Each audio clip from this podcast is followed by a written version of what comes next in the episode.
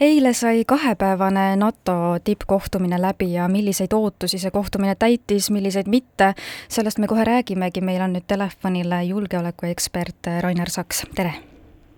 tere hommikut! No üks olulisematest teemadest oli Ukraina liikmelisuse küsimus, kus nagu midagi selget äh, justkui ei selgunudki, rõhutati, et jätkatakse Ukrainale relvaabi andmist, Ukraina president Zelenskõi tänas kõiki toetuse eest, kuid tõdes ka, et oleks oodanud nagu rohkem mingisugust konkreetsust ja selgust. ei no päris nii öelda ei saa, et tegelikult nüüd see sõnum, mis edastati, oli see, et, äh, et Ukraina on oodatud NATO-sse mis on probleem, on see, et kuna käib sõda, siis noh, muidugi sõdivat riiki NATO-sse keegi võtta ei taha. aga ma arvan, et siin on nagu üks teine tõsisem mure, mis on, on see, et, et NATO-t äh, laienemas ikkagi nähakse, et see avatud uste poliitika jätkub, et see on selge. ja selge on ka see, et, äh, et ei ole nagu ühtegi nagu sellist nagu põhimõttelist asjaolu, mida tuua esile, et miks Ukraina ei sobi NATO-sse. ja siin nagu reformidest on räägitud, mis on vaja läbi viia, aga noh, need ei ole need kõige olulisemad asjad, neid on vaja Ukrainal teha nii või naa. et pigem on nagu küsimus nagu selles, et ähm, äh, mõned NATO liikmesriigid vist ei suuda hästi ette kujutada, et kui Ukraina liituks NATO-ga, et kuidas siis nagu tegelikult üldse NATO suhted Venemaaga hakkaksid välja nägema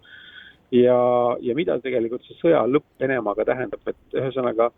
see on nagu võib-olla see põhjus, miks ei taheta nagu öelda, et Ukrainal on nii-öelda koht NATO-s automaatselt kuidagimoodi tagatud, vaid nagu antakse küll mõista, et ollakse valmis Ukraina vastu võtma väga lihtsustatud protseduuriga ja jätma ära terve rida formaalsusi ja nii edasi, nii edasi, nii edasi. aga päris jah, ma usun, et praegu oleks väga keeruline anda välja mingisugune tärmin või, või siis selline konkreetne lubadus, et millal täpselt Ukraina on NATO liige no ka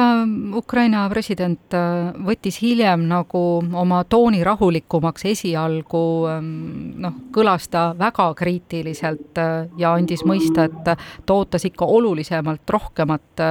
hilisemad avaldused on olnud äh, pigem sellised, et jah, et, et Ukraina tunnetab, et ta on üks ähm, omasuguste seas ja, ja kõik on nagu enam-vähem.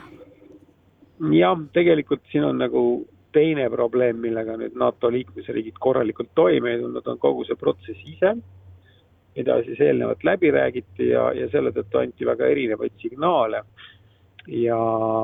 põhimõtteliselt Ukraina tõenäoliselt noh, poliitikud frustreerusid nagu selle peale, neist võib aru saada, nad on ju väga tõsises sõjas ja, ja noh, hukkuvad igapäevaselt inimesed ja neil on vaja teatud kindlust selleks, et Äh, oma tulevikku kuidagimoodi nagu oma kodanikele nagu selgitada. aga noh, ütleme niimoodi, et, ähm, et see kogu selle teksti draftimine jäi ju lõpuks sinna kohtumisele, mis ei ole ebanormaalne, selleks need kohtumised ju ongi, et kokkulepet sõlmida, aga mul on niisugune tunne, et äh, segadus oli liiga suur, see paistis väga selgelt ka välja ja see ei jäta tegelikult nendest just NATO noh, põhilistest suurtest liikmesmaadest nagu hetkel kõige paremat muljet. Ja noh, pärast seda, kui president Zelenskõi oli seal kohtunud siis isiklikult näost näkku, eks ju, peaaegu kõikide olulisemate tegijatega ja, ja ka NATO kõikide liikmesriikide esindajatega korraga, siis, siis loomulikult noh, ta sai otsesed sõnumid, mis kindlasti on nagu rahustavamad, aga aga mis on jah ebaõnnestunud, on siis nagu selge nagu visiooni kommunikeerimine, et kuidas siis nii-öelda see Ukraina toetus edasi läheb. et see G7 avaldus eile natukene leevendas seda probleemi, aga ka siin on ikkagi veel väga palju detaile paigast ära. nii et äh, tuleb edasi töötada Ukrainal ja kahepoolselt kokku leppida siis nagu oma nende julgeolekugarantiide osas nagu peamiste riikidega, nii et eks see, eks see natukene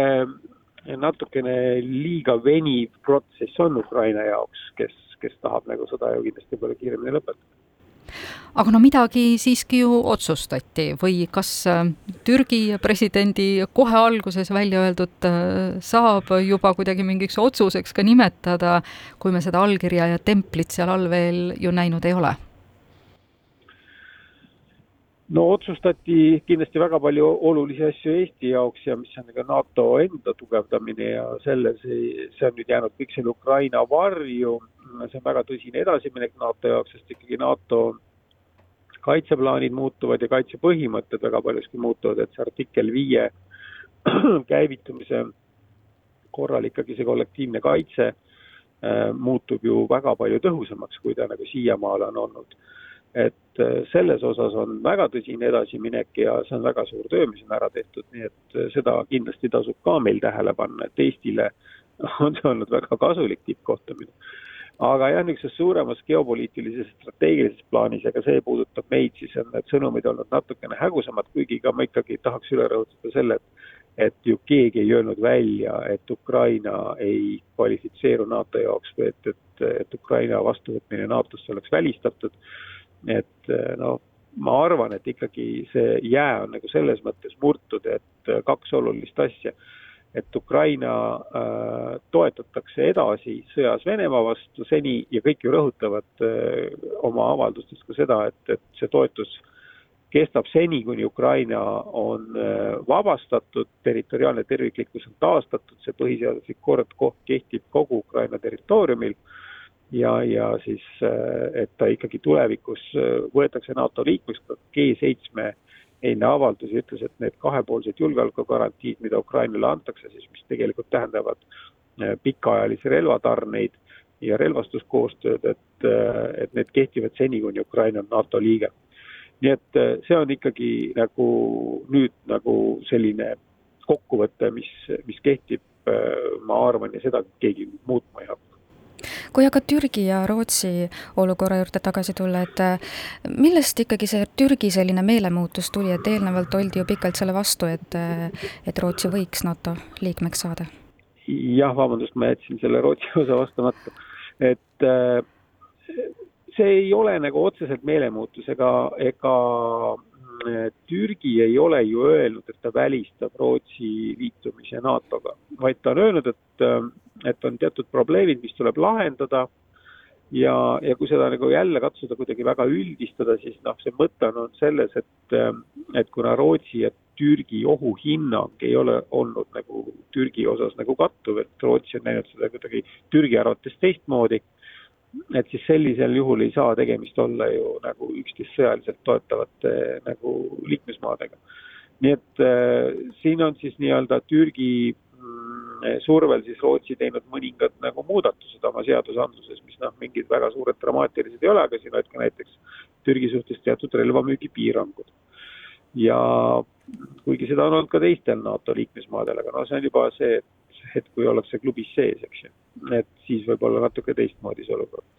aga äh, selle tõttu ma arvan, et Türgi president saavutas äh, väga olulise äh, protsessi enda jaoks, mis aitas tal oma